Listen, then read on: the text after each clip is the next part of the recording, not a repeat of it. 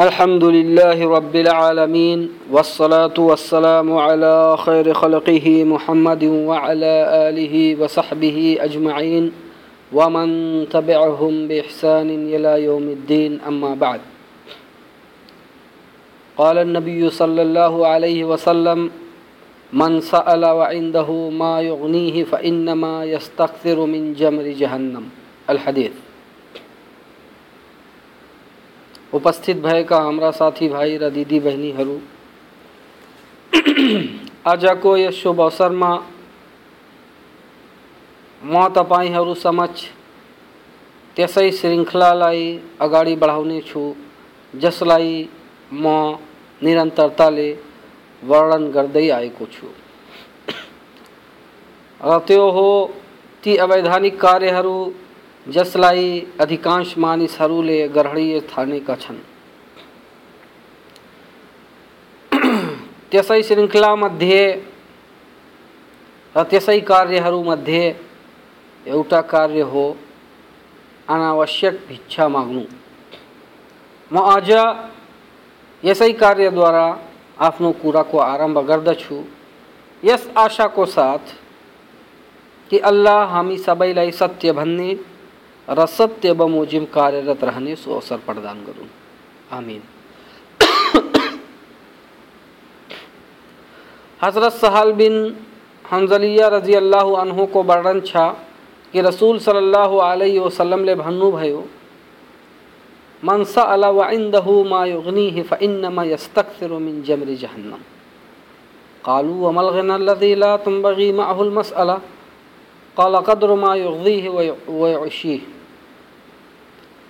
रवाहु अबू दाऊद।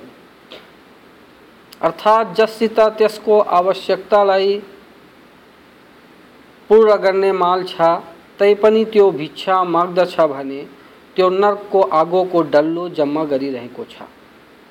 त उहाँसित सहाबाहरूले सोधे कि आवश्यकता पूर्ण गर्ने मालको मात्रा कति हो जुन भयमा मान्छेलाई भिक्षा माग्नु उचित छैन। त रसुल सल्लाह सल्लमले भन्नुभयो कदर मा युगद्दी है व युशी है।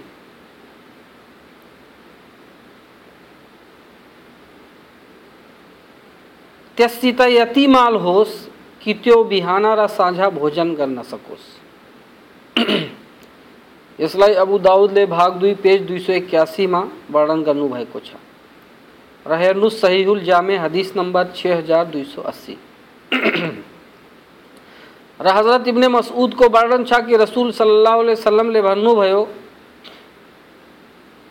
जससित त्यसको आवश्यकतालाई पूर्ण गर्ने माल भए पनि त्यो भिक्षा माग्दछ भने त्यो पर्लयको दिन यस्तो अवस्थामा आउनेछ कि त्यसको अनुहारमा घाउ हुन्छ।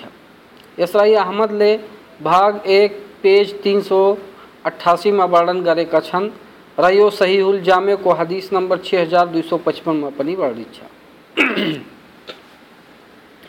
र केही भिक्षा माग्नेहरू मान्छेहरू बिच मस्जिदहरूमा नै उभिएर आफ्नो अवस्था र दुःख वर्णन गर्न थाल्दछन्। र नमाजीहरूको तस्बिर र गुणगान गर्ने कार्यमा अवरोध हाल्दछन्। र यस्तो गर्नुमा केही त झुटको सहारा लिन्छन् र असत्यतामा आधारित पत्र देखाउँछन् र असत्य कथाहरू, घटनाहरू सुनाउँछन्। र कतिपय मानिसहरू त आफ्नो घरका समस्त मानिसहरूलाई मस्जिदहरूमा भिक्षा माग्नुको लागि खटाइदिन्छन्। अनि एकपछि अर्को मस्जिदमा जाँदै गर्छन्। तर वास्तवमा तिनीहरूलाई भिक्षा माग्नुको कुनै आवश्यकता हुँदैन र तिनको वास्तविक हालबारे अल्लाह नै ज्ञानी हुन्छ अनि यस्ता खालका मानिसहरूको जब मृत्यु हुन्छ, त उनीले आफू पछि छाडेर गएका अचल संपत्ति जाहेर भइहाल्छ। र यिनीहरूको कारण ती मानिसहरू दानबाट वञ्चित रहन्छन् जिनलाई वास्तवमा यसको आवश्यकता हुन्छ किनकि उनीहरू यी पापीहरू झैँ हात पसारेर भिक्षा माग्न सक्दैनन् कि उनीलाई पनि दान दिइयोस् त हामीहरूलाई यो सोच्नुपर्छ र यो विचार गर्नुपर्छ र चिन्तन मनन गर्नुपर्छ कि यदि हामीसित यति यदि हामीसित, यति खाग पदार्थ छ जसद्वारा हामी साझा बिहान खान सक्षम भने, हामीलाई भिक्षा माग्ने अनुमति छैन। र हाम्रो समाजमा जुन यस भिक्षा माग्ने कार्यलाई सबैभन्दा सरल कार्य ठानिएको छ, त्यो एकदम गलत र निषेधित कुरा हो।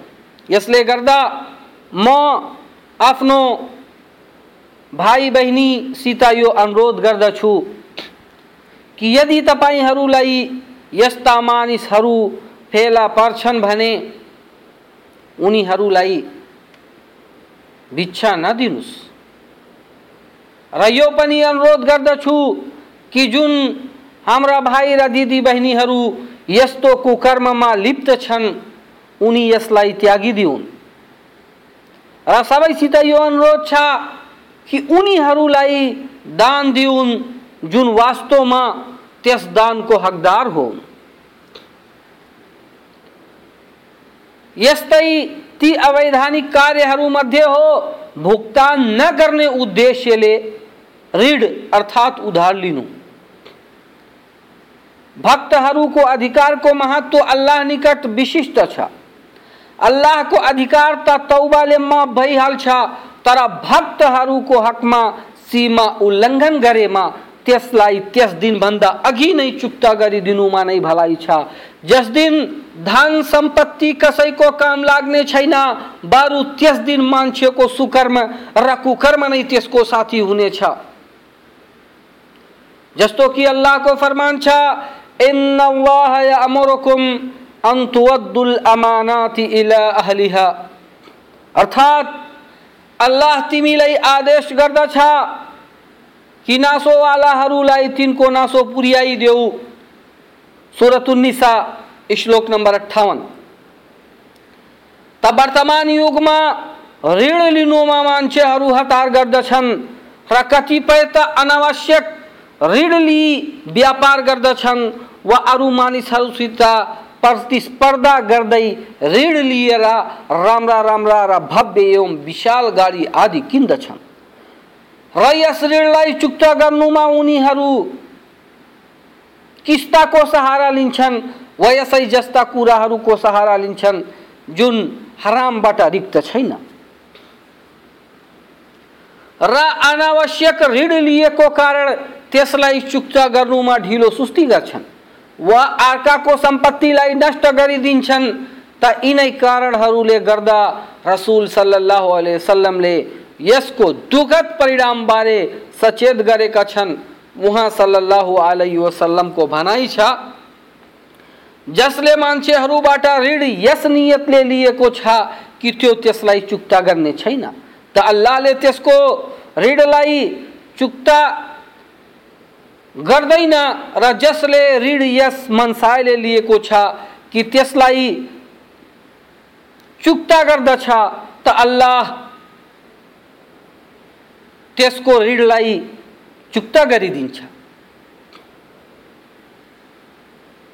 अर्थात् जुन मानिसले ऋण यस नियतले लिन्छ कि त्यो त्यससित माल भएमा त्यसलाई चुक्ता गरिदिन्छ त त्यसको ऋण अल्लाह चुक्ता गर्छ र जसले यस मनसायलाई कसैसित उधारी लिन्छ कि त्यसको माललाई नष्ट गरोस्, त अल्लाह त्यस मान्छेको माललाई नै नष्ट पारिदिन्छ, जुन यस मनसायले उधारी लिएको छ।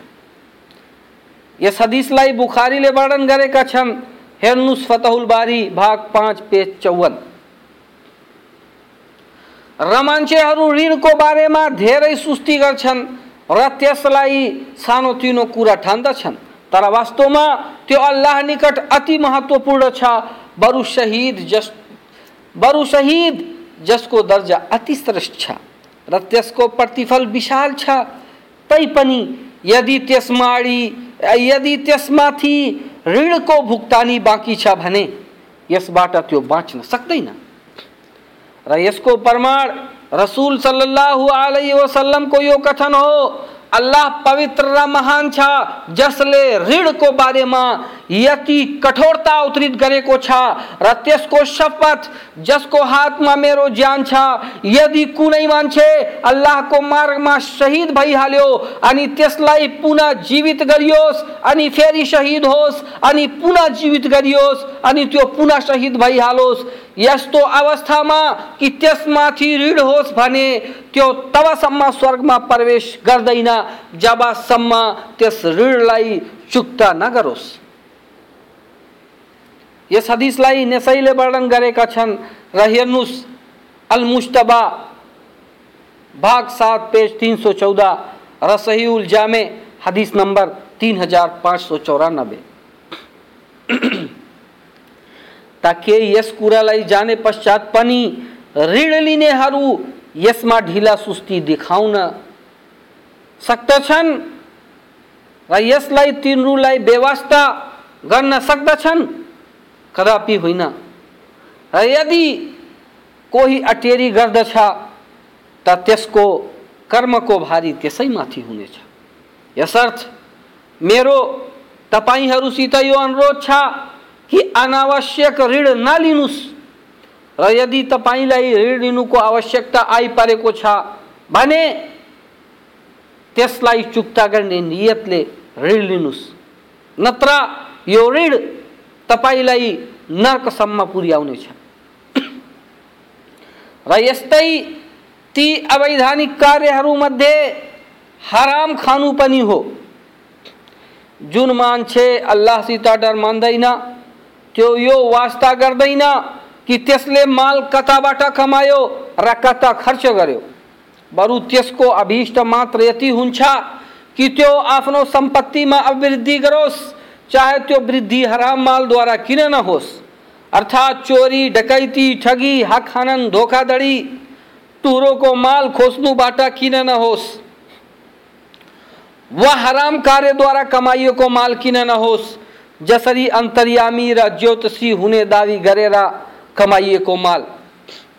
निर्लजतापूर्ण कार्य गरेर कमाइएको माल। गाना गाएर कमाइएको माल। सार्वजनिक र मुसलमानहरूको माललाई चोरेर, एकत्रित गरिएको माल, कसैको हक हनन गरेर, प्राप्त गरिएको माल, अनावश्यक भिक्षा मागेर, कमाइएको माल आदि। अनि त्यो मान्छे त्यसै हराम मालबाट खान्छ र लुगा लगाउँछ, गाडी किन्दछ र व्यापार एवं व्यवसाय गर्दछ। अर्थात् हरेक प्रकारले यस हराम माल लाई माललाई आफ्नो तर रसुल सल्लाह अलैहि वसल्लमको फरमान छ, त्यो मासु जुन हराम माल खाएर सिर्जित छ, त्यसको लागि नर्कको आगो नै उत्तम छ। यस हदिसलाई तबरानीले कबीरको भाग उन्नाइस पेज एक सौ छत्तिसमा वर्णन गरेका छन्। र यो सहिहुल जामेको हदिस नम्बर चार हज़ार चार सौ पन्चानब्बेमा पनि वर्णित छ। र मान्छेसित प्रलयको दिन त्यसको मालको बारेमा सोधिन्छ कि त्यसले त्यसलाई कताबाट र कसरी कमायो र कता खर्च गर्यो। त त्यहाँ कतिपय मान्छेहरू घाटामा पर्नेहरू मध्येका हुनेछन् यसर्थ जससित अहिले पनि हराम माल बाँकी होस् त्यो त्यसबाट आफ्नो पिछा छोडाओस्। र यदि त्यो कुनै मान्छेको हक हो भने त्यसलाई तुरुन्तै त्यस मान्छेलाई फर्काइदियोस्। र त्यो माल फर्काउनुको साथै त्यसबाट माफीको अनुरोध पनि गरोस्। र त्यो दिन आउनुभन्दा अघि नै यो कर्म गरिहालोस् कि जस दिन रुपैयाँ, माल र धन संपत्ति कुनै लाभ दिनेवाला हुँदैन, बरु त्यस दिन त मान्छेको सुकर्म र कुकर्म नै सबै हुनेछ, त्यही नै त्यसको साथी हुनेछ, त्यही नै त्यसको सहायक हुनेछ। यसले गर्दा, हे हाम्रा भाइ र दिदी बहिनीहरू मेरो यस कुरामा विचार गर्नुहोस् र रसुल सल्लाह अलैहि वसल्लमले सावधान गरेका कुराहरूबाट सावधान रहनुहोस् र हराम खानुबाट बाँच्नुहोस् किनकि हराम खाए पश्चात तपाईँको कुनै पनि पूजा सुकार्य हुँदैन। र यो हराम माल तपाईँलाई नर्कसम्म पुर्याउनेछ। अल्लाह सीता विनती छा, अल्लाह हामी सबै रही।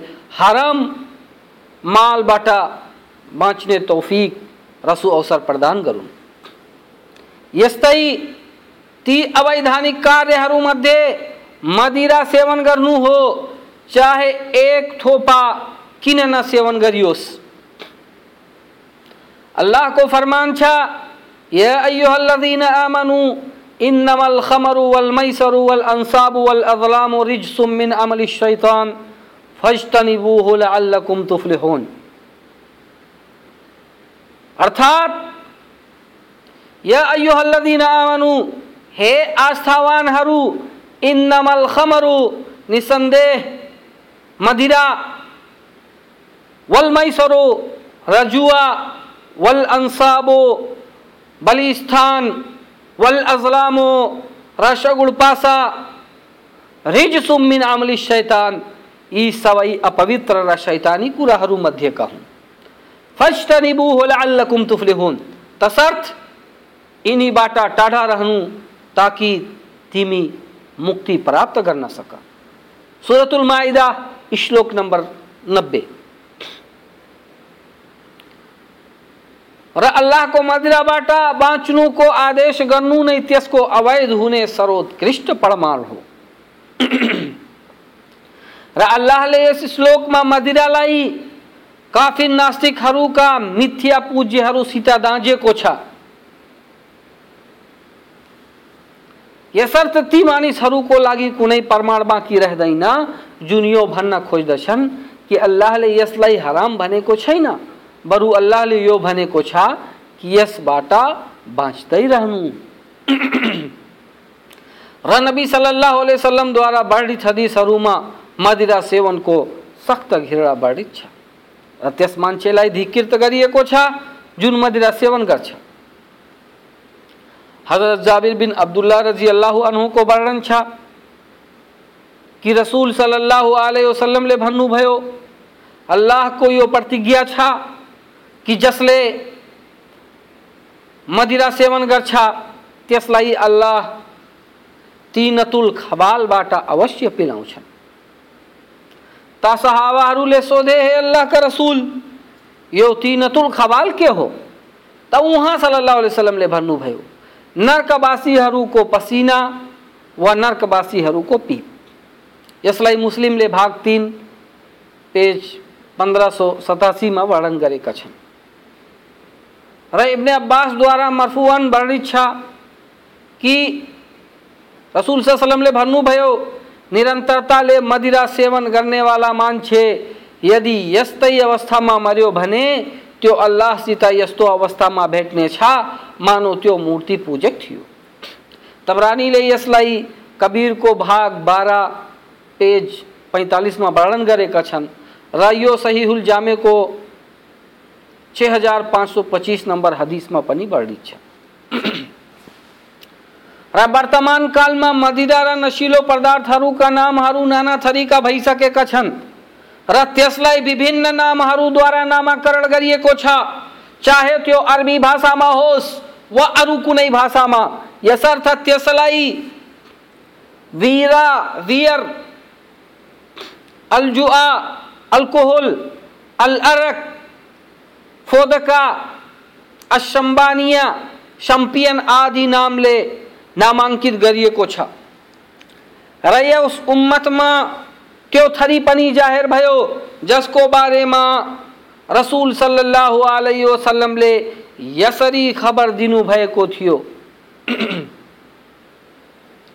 मेरो अनुयायीहरूमध्ये केही मानिसहरू यस्ता पनि आउनेछन् जुन मदिरालाई अर्को नाम दिएर त्यसको सेवन गर्नेछन् यस हदिसलाई अहमदले भाग पाँच, पेज तिन सौ बावनमा वर्णन गरेका छन् र यो हदिस सहिहुल जामेको हदिस नम्बर पाँच हज़ार चार सौ त्रिपन्नमा वर्णित छ। यसर्थ, यसलाई सेवन गर्नेहरू यसलाई मदिरा भन्नुको सट्टामा आत्मिक पेय पदार्थ भन्दछन् ताकि धोका दिन सकुन्। जस्तो कि अल्लाह को फरमान छा, युखादऊन अल्लाह वल्लदीन आमनु वमा यखदऊन इल्ला अनफुसहुम वमा यशउरून। अर्थात तिनीहरू अल्लाह र आस्थावानहरूलाई धोका दिइरहेका छन्। तर यथार्थमा आफूलाई नै धोका दिइरहेका छन्। तर तिनीहरू बुझ्दैनन्। सुरतुल बकरा, श्लोक नम्बर नौ।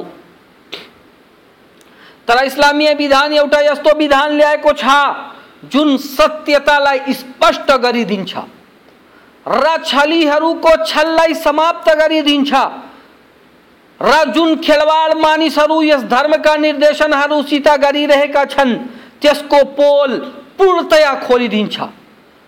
र त्यो मापदण्ड एवं कसौटी एवं विधि हो, रसूल सल्लल्लाहु अलैहि वसल्लम को यो कथन। कुल्ल मुस्करिन खमरुन व कुल्ल मुस्करिन हराम। प्रत्येक नशीलो पदार्थ मदिरा हो, र प्रत्येक प्रकारको मदिरा हराम छ। यसलाई मुस्लिमले भाग तिन पेज एक हज़ार पाँच सौ सतासीमा वर्णन गरेका छन्। यसर्थ, जुन पदार्थ पनि मानिसलाई उन्मादी बनाओस्, र त्यसको मनिसलाई असन्तुलित बनाओस् त्यसको धेरै मात्राको साथै थोरै मात्रा पनि हराम छ। जस्तो कि रसूल सल्लाह सल्लमको फरमान छ, मा अस्कर कतिरहु फकलिलहु हराम। जसको धेरै मात्रा उन्मादी बनाओस्, त्यसको थोरै मात्रा पनि हराम छ। यसलाई अबु दाउदले वर्णन गर्नुभएको छ, हदिस नम्बर तिन हज़ार छ सौ एक्कासी र सही अबु दाउद हदिस नम्बर तिन हज़ार एक सौ अठाइस यसर्थ यस्ता खालका पदार्थहरूका जति नाम राखिए पनि, त्यसको हुकुम एउटै नै रहन्छ। र यस कुराको अन्त्यमा रसुल सल्लाह वसल्लमको यो उपदेश प्रस्तुत गर्दछु, जुन रसुल सल्लाह वसल्लमले मदिरा सेवन गर्नेहरूलाई गरेका छन्। उहाँको भनाइ छ जसले मदिरा सेवन गर्यो, अनि त्यसबाट त्यसलाई नसा भयो, त चालिस दिनको नमाज़ कबुल हुँदैन। र यदि त्यसै अवस्थामा त्यसको मृत्यु भयो भने त्यो नर्कमा जानेवाला छ। त यदि त्यसले तोबा प्रयाश्चित गर्यो भने अल्लाह त्यसको तोबा स्वीकार गरिहाल्छ। तर यदि त्यसले पुनः मदिरा सेवन गरेर उन्मादी भयो भने फेरि त्यसको चालिस दिनको नमाज़ कबुल हुँदैन। र यदि यसै बिच त्यसको मृत्यु भयो भने त्यो नर्कमा अवश्य जानेछ। अनि यदि त्यसले तोबा गर्यो, त अल्लाह त्यसको तोबा स्वीकार गरिहाल्छ। अनि यदि त्यसले फेरि मदिरा सेवन गरेर उन्मादी भयो भने, पुनः त्यसको चालिस दिनको नमाज़ स्वीकार हुँदैन। र यदि यसै बिच त्यसको मृत्यु भयो भने, त्यो नर्कवासी हुनेछ। तर यदि त्यसले पुनः तोबा गर्यो भने, अल्लाह त्यसको तोबालाई स्वीकार गरिहाल्छन्। तर यदि त्यसले फेरि मदिरा सेवन गर्छ भने, अल्लाहको लागि यो उचित भइहाल्छ कि त्यो त्यसलाई रिदगतुल खबालबाट पिलाओस्। ता सहाबाहरूले भने, हे अल्लाहका रसुल, यो रिदगतुल खबाल के हो? त उहाँ सल्लल्लाहु अलैहि वसल्लमले भन्नुभयो, नर्कवासीहरूको पिप यसलाई इब्ने माजाले हदिस नम्बर तिन हज़ार तिन सौ सतहत्तरमा वर्णन गरेका छन्। र जामे को हदीस नंबर छ हज़ार तिन सौ तेह्रमा पनि, यस हदिसलाई वर्णन गरिएको छ। त स्पष्ट यो भयो कि हाम्रो समाजमा जुन नाना थरीका मदिराहरू छन्, नाना थरीका मादक पदार्थ छन्, तिनका नाम जे भए पनि सबै हराम छन्। र यसलाई खानेहरूलाई इस्लामीय विधानले दण्डित गर्ने चेतावनी दिएको छ। र परलोकमा त त्यसको लागि सजाय छँदैछ यसले गर्दा, हे हाम्रा भाइहरू, हे हाम्रा दिदी बहिनीहरू यस्तो अपराधबाट बच्नुस्, र यस्तो हराम कार्यबाट बच्नुस्। जसबाट हामीलाई यस लोकमा पनि हानि पुग्छ र परलोकमा त हानि पुग्ने नै छ। हामीले आफ्नो समाजमा हेरेका छौँ कि यसै मदिराको कारण कतिपय यस्ता घटनाहरू घटित हुन्छन्, जसको एउटा बुद्धिजीवी मानवता भएको मान्छे कल्पना पनि गर्न सक्दैन। जसरी हामी मिडियामा अखबारमा न्युजमा यो सुन्दछौँ र हेर्दछौँ कि एउटा मान्छेले रक्सी सेवन गरेर आफ्नो छोरीलाई नै बलात्कार गर्यो। अथवा आफ्नो आमालाई नै बलात्कार गर्यो, अथवा आफ्नो बुहारीलाई बलात्कार गर्यो, अथवा आफ्नो आमालाई बलात्कार गर्यो, अथवा आफ्नो दिदी बहिनीलाई बलात्कार गर्यो, यो के हो?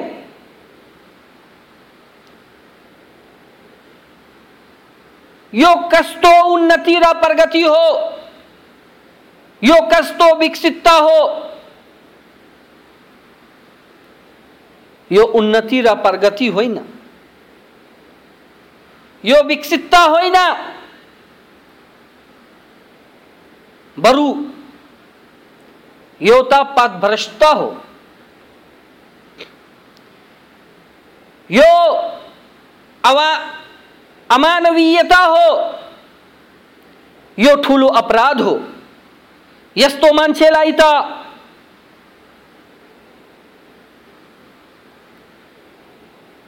सडकमा लगेर फाँसी दिनु पर्दछ यस अपराधको कारण के हो रक्सी सेवन, मदिरा सेवन,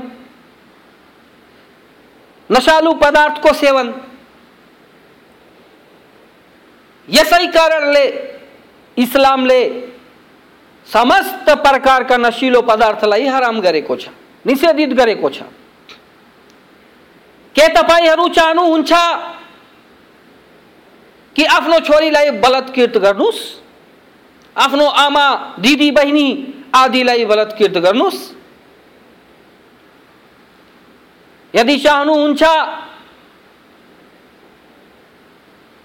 भने तपाईँलाई इस्लाम स्वागत गर्दैन। बरु तपाईँलाई पश्चिमी संस्कृति स्वागत गर्छ। बरु पनि यस्ता खालका कार्यहरूलाई घृणित मानिन्छ। र उनीहरूले बनाएका कानुन विरुद्ध मानिन्छ। यसले गर्दा हे हाम्रा दाजुभाइहरू, हे हाम्रा दिदी बहिनीहरू यस्ता प्रकारका नशिलो पदार्थ र मदिरा रक्सी र जुन नाम भए पनि ड्रग्स गाजा, चरस आदि।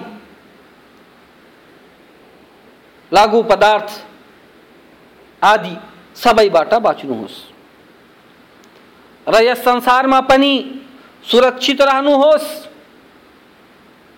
र परलोकमा पनि सजाय मुक्त हुनुहोस् र हामीमाथि मात्र यो अनिवार्य छैन। कि हामी यस्ता खालका अपराधबाट बचौँ। बरु हामीमाथि यो पनि अनिवार्य छ कि हामी आफ्नो समाजलाई यस्ता खालका दण्डता अपराधबाट सुरक्षित राखौँ। हामीहरू हेर्छौँ कि हाम्रो समाजमा कतिपयजना रक्सी सेवन गरेर गाली गलोज बग्दै हिँड्दछन् तर कोही तिनीहरूमाथि नियन्त्रण गर्नेवाला छैन। कोही एक वाक्य पनि बोल्दैन जबकि यसै चुप्पीको कारण हाम्रो समाजमा अपराध बढ्छ, विकसित हुन्छ। यसले गर्दा हामी सबैलाई यो चाहियो कि हामी सबै मिलेर यस्तो ठुलो अपराध, जसलाई इस्लाममा गुनाहे कबिरा ठुलो अपराध महाअपराध भनिएको छ त्यसलाई सबै मिलेर रोकौँ। अल्लाहको फरमान छ, कुन्तुम खैर उम्मतिन उखरिजत लिन्नास तअमुरुन बिल मारूफ वतनहौन अनिल मुनकर। इस्लामले हामी सबैलाई, हामी मुसलमानहरूलाई यो आदेश गरेको छ कि हामी आफ्नो समाजमा भलाइको आदेश गरौँ र बुराइबाट रोकौँ। यो प्रत्येक मान्छेमाथि अनिवार्य छ। कोही यो नभनोस् कि यसमा त यस आयतमा, यस श्लोकमा बहुवचन शब्द प्रयोग गरिएको छ, जसको अर्थ हो समूह। होइन? यसको अर्थ हो समाजमा त्यस समूहमा भएको प्रत्येक व्यक्तिमाथि यो अनिवार्य छ कि त्यो भलाइको आदेश गरोस् र बुराइबाट रोकोस् त यदि हामी आफ्नो समाजमा भलाइ विरुद्ध लड्दछौँ भने हामी अल्लाहको आज्ञा पालन गरिराखेका छौँ रसुल सल्लाह वसल्लमको आज्ञा पालन गरिराखेका छौँ यदि हामी कसैलाई बुराइबाट रोकिरहेका छौँ भने हामी अल्लाह र रसूल को आज्ञा पालन गरिरहेका छौँ। र यसका सांसारिक लाभहरू पनि छन्। जसरी हाम्रो समाज, चोरी, डकैती आदि जुन रक्सी खाएर गरिन्छ, त्यसबाट मुक्त भइहाल्छ। व्यभिचार, बलात्कार, रक्तपात कसैको हत्या आदि यी समस्त अपराधबाट हाम्रो समाज मुक्त भइहाल्छ र यो जुन नसिलो पदार्थ छ यो जुन मदिरा र रक्सी छ, यो समस्त अपराधको समस्त बुराइको जड हो। समस्त बुराइको ज्वरो हो। त्यसैबाट अधिकांश बुराई र अपराधहरू उत्पात हुन्छन्। यसले म अन्त्यमा अल्लाहसित यो प्रार्थना गर्दछु कि अल्लाह हामी सबैलाई समस्त प्रकारका कुकर्म र अपराधहरूबाट सुरक्षा प्रदान गरून् र हामी सबैलाई यो अवसर प्रदान गरून् कि हामी बुराई, कुकर्म अपराध, दंडनीय कुराहरू विरुद्ध खडा भएर त्यसको विरोध गरौँ र त्यसलाई रोकौँ, चाहे जिब्रोबाट, चाहे शक्तिद्वारा, चाहे अरू कुनै तरिकाले। र साथै अल्लाहसित यो बिन्ती छ कि अल्लाह हामी मध्ये जुन हाम्रा साथीभाइहरू यस्ता प्रकारका जघन्य अपराधहरूमा लिप्त छन्, उनीहरूलाई अल्लाह यसबाट बचाओस् र यसलाई शक्ति प्रदान गरोस्। र हामी सबैमध्ये हाम्रा ती भाइ बहिनीहरू जुन असन्तान छन् उनीहरूलाई अल्लाह सन्तान प्रदान गरोस्। र जुन दुखी छन्, अल्लाह उनीहरूलाई प्रसन्नता प्रदान गरोस्। र जुन पापग्रस्त छन्, अल्लाह उनीहरूलाई पाप मुक्त बनाओस्। र हाम्रा ती भाइ बहिनीहरू जुन ऋणी छन्, ऋणको भाली तला दाबिएका छन् चापिएका छन्। अल्लाह उनको ऋणलाई तिरिदियोस् र हामी सबैलाई समृद्ध, सुख शान्तिको जीवन प्रदान गरोस् र हाम्रो जब मृत्यु होस्, त हामीलाई इमानको अवस्थामा मृत्यु दियोस् र हामी सबैलाई सत्य बमोजिम कार्य गर्ने र इस्लामीय निर्देशन बमोजिम कार्य गर्ने सुअवसर प्रदान गरी हामी सबैलाई आफ्नो स्वर्गमा उच्च स्थान प्रदान गरोस् आमीन। वाखरुद्दावान अनिल हमदुलिल्लाहि रब्बिल आलमीन।